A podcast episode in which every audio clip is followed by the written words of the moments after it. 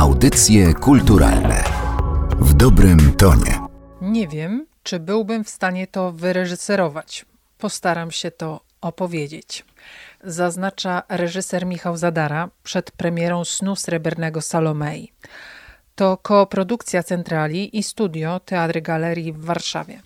Sen Srebrny Salomei Juliusza Słowackiego z 1843 roku to jeden z najbardziej nieoczywistych tekstów, o który spierają się badacze. Doceniają błyski genialnego pomysłu, dźwięczność wiersza, ale dostrzegają również fantastykę okrucieństwa czy niejasności kompozycyjne. Michał Zadara w swoim reżyserskim dorobku ma m.in. Chopina bez fortepianu, elementarz Mariana Falskiego, aktora Norwida, zbójców Schillera, 14-godzinne Dziady Mickiewicza, ale również trzy inscenizacje dramatów Słowackiego. Księdza Marka z Narodowego Starego Teatru w Krakowie oraz zrealizowany w Teatrze Powszechnym w Warszawie kostiumowego, klasycznego fantazego i rozgrywaną na różnych historycznych planach Lille Venede. Teraz w warszawskim Teatrze Studio zaprasza widzów na spektakl bez aktorów, na reżyserską opowieść o wizji snu Srebrnego Salomei.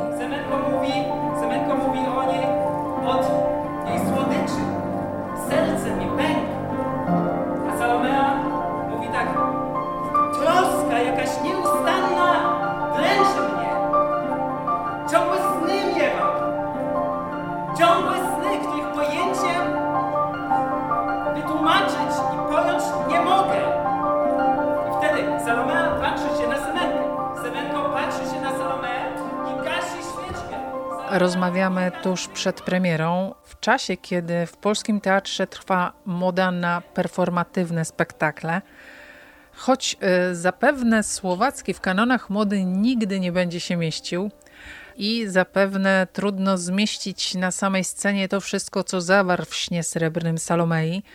Mamy tutaj zarówno poemat historiozoficzny nawiązujący do buntu chłopskiego na Ukrainie w 1768 roku oraz romans dramatyczny. Dwie równoległe opowieści, te na scenie i te w monologach. Do tego 11 ról męskich, 5 kobiecych oraz chłopi ukraińscy i szlachta polska zbrojna. A pan proponuje na scenie jednego wykonawcę. Słowacki opisuje taką formację kulturową e, w swoim dramacie, formację dziadów. Michał Zadara. Na Ukrainie występowała taka kategoria artysty, jakim był dziad.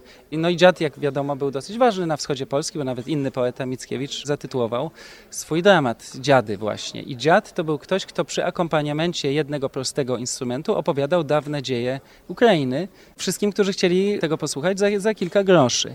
Więc to, co ja robię, to jest zasadniczo powtórzenie tego motywu dziada, czyli ja staję się sam dziadem, staję na scenie i opowiadam słuchaczom straszną historię o dawnych dziejach Ukrainy. I Słowacki oczywiście bezpośrednio nawiązuje do tych dziadów. W tym dramacie występuje postać Werny Chory i kończy się ten dramat tym, że Werny Chora roztrzaskuje swoją lirę i mówi, że już nie będzie Ukrainy, co dla niego znaczy, że nie będzie jakby pokojowego współistnienia Polaków i prawosławnych na tej ziemi, no co też oczywiście miało miejsce. Więc jest bardzo ryzykowne, że ja sam stoję na scenie i tłumaczę ten dramat widzom i widzowie muszą właściwie całą robotę scenografa wykonać we własnej głowie. Teraz słychać za mną dźwięki pianina. To jest pianino, które, na którym gra robot y, Wacława Zimpla, którego zaprosiłem do współpracy.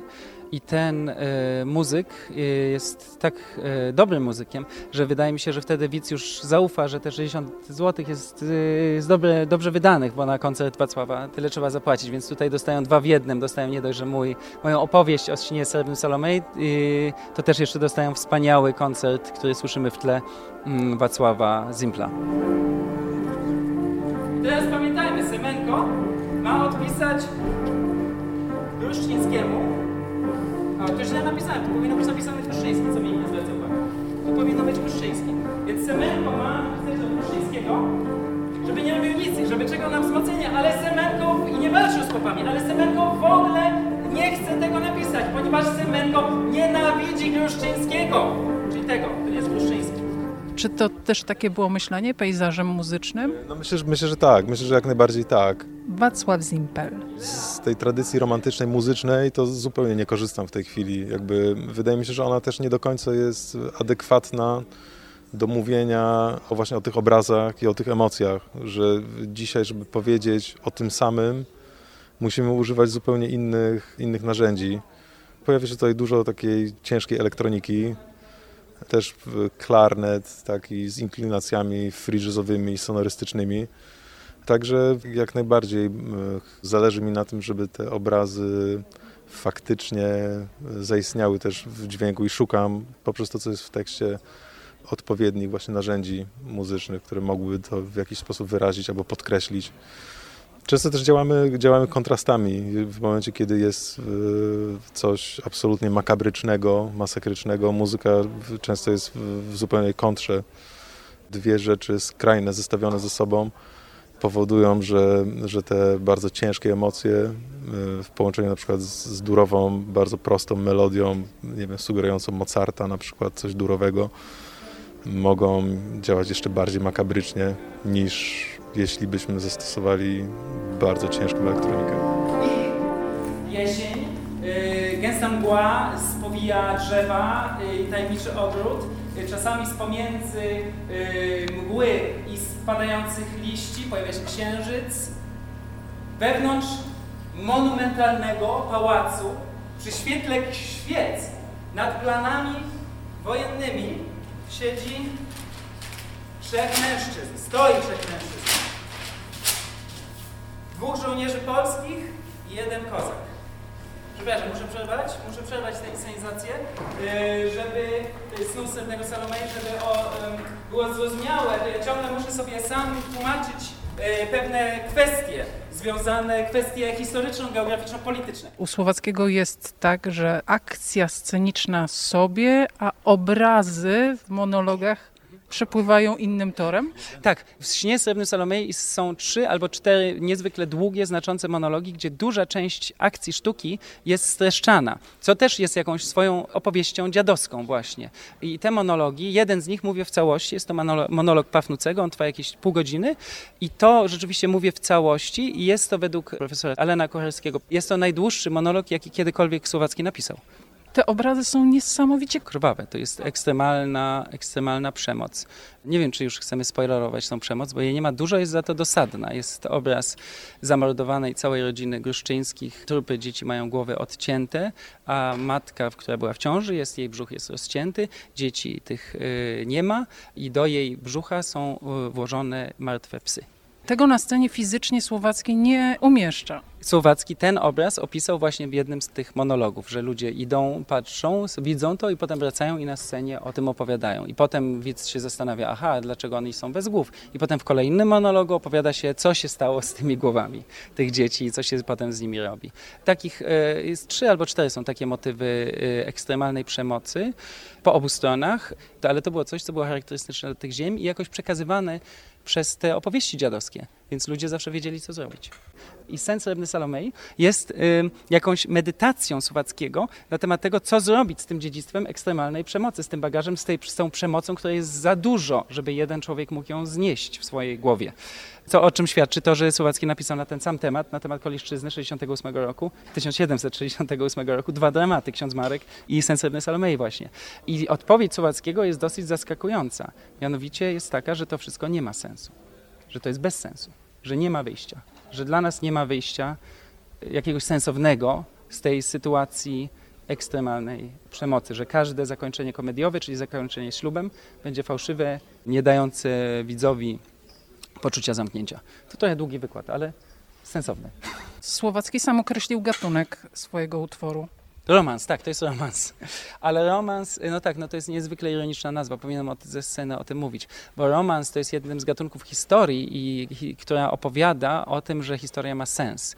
Ale też można poetykę snu. Kolejną ważną warstwą snu Srebrnego Salomei są sny, które są tu opowiadane i rzeczą bardzo ważną jest sen, druga czy trzecia scena, w której widzimy Salome, postać tytułową. Ona opowiada swoje sny i ma mianowicie jeden sen, w której jej matka, cudowny sen, że jej matka jej się ukazuje i mówi, że jakiś brodaty mężczyzna ją goni i ten brodaty mężczyzna jej mówi, że musi, że Salomea musi pożyczyć konie dla tej, dla matki, a inaczej matka zginie. No i koniec snu. I potem Salomea się zastanawia, czy rzeczywiście pożyczyć te konie, ale się wstydzi pożyczyć tych, y, tych koni, ponieważ wtedy y, matka ją odwiedzi, a matka jest biedna i babcia jest biedna i, oni nie mówią po polsku i wtedy będzie się wstydziła, że w takim eleganckim miejscu, w którym ona mieszka, y, odwiedzi ją rodzina. I potem ma drugi sen, tak zwany srebrny sen, w którym matka cała w ołowianej sukni i z trupią czaszką zamiast głowy ją goni przez ogród, a Salomea się ukrywa w, w tym w różach i jest cała pokaleczona różami. I to był fragment wykładu reżysera, performera Michała Zadary, który na e, scenie stoi w garniturze i w butach sportowych. Czego pan używa do tego, by na scenie uobecnić Słowackiego? Jestem na scenie, y, jest tak duża tablica taka biała, na której rysuję mazakami, tak żeby widzowie widzieli Hasłowo opisuję to, co, o czym mówię, żeby widzowie mogli sobie to zapamiętać, bo to nie jest proste. Opisuję sytuację taką społeczno-polityczną tamtego czasu. Y, mam też na scenie gitarę elektryczną i piec, na której czasami tworzę hałas. Mam prompter, taki telewizor, na którym jest wyświetlony tekst, który mówię i mój asystent siedzi na widowni i przełącza ten tekst, żebym ja wiedział, co dalej mówić, żeby się w tym wszystkim nie pogubił. I są też platformy, takie typowe teatralne platformy. Jedna służy jako stół, a na inne w trakcie spektaklu pewnie będę wchodził i mówi pan wiersz Słowackiego poza własnym wykładem. Pan mówi. Ja dosyć dużo mówię oryginalnego tekstu słowackiego. E, wydaje mi się, że to jest taka, nie wiem, zemsta aktorów, których poniżałem dotąd, że zawsze jak, jak mówiłem im, jak mają mówić wiersz, to też się czułem tak trochę jak, jak taki oszust, bo sam nie wiem, jak to jest stać na scenie i mówić ten wiersz, ale zawsze twierdziłem, że ja to umiem i że ja umiem co więcej tego nauczyć i przekazać to aktorom, bo już się znam na wierszu. No więc teraz zobaczymy, czy się znam. I jak pan się czuje, jak pan to tak już po raz kolejny opowiada jakąś frazę? Jeśli chodzi o poezję Słowackiego, to każde zdanie można mówić 10, 20, 100 razy i ono zawsze będzie ciekawe. To jest jak, nie wiem, jak frazy u, u Bacha. To jest z jednej strony bardzo proste, ale z drugiej strony dźwiękowo i sensowo i, i jakby i ta kombinacja właśnie dźwięków sensami jest zawsze ciekawa i zawsze zaskakująca. E, więc to, to się właściwie nie nudzi. To jest tak jak słuchanie wybitnych utworów, czy te sonaty Beethovena. One się, one się nie nudzą i zawsze w każdej frazie się znajdzie coś ciekawego. Audycje kulturalne dobrym tonie.